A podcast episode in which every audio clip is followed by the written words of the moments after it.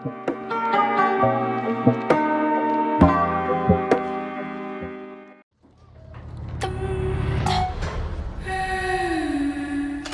gak sih baca beginian? Dapat dari mana? Ini tergosip video loh. Dan ini bukan pertama kalinya sekolah berurusan dengan masalah pornografi. Halo teman-teman, welcome to Metamor Film bareng aku Ugi. Di sini kita bakal memaknai film Dear David yang beberapa waktu lalu rame dikecam.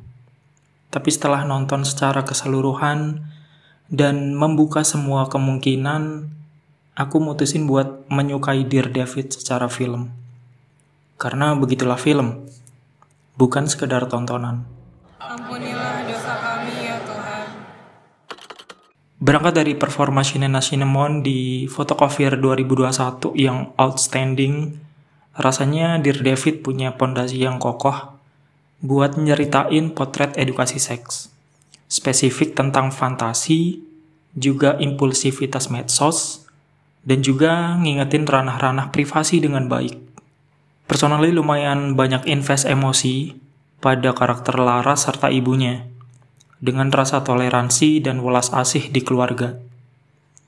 Selain itu, empati sedalam mungkin bagi karakter David dengan panic attack-nya, juga Dila dengan identity struggles-nya.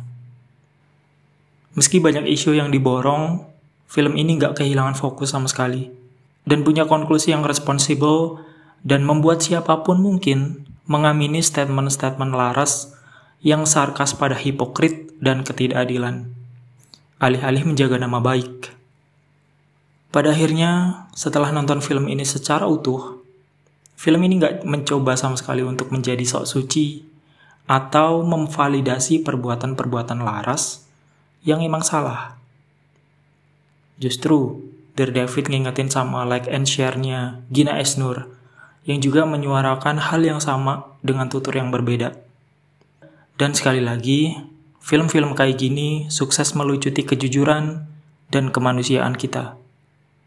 Bahwa siapalah kita berhak sembarangan menghakimi sesama. Boleh sepaham, boleh enggak.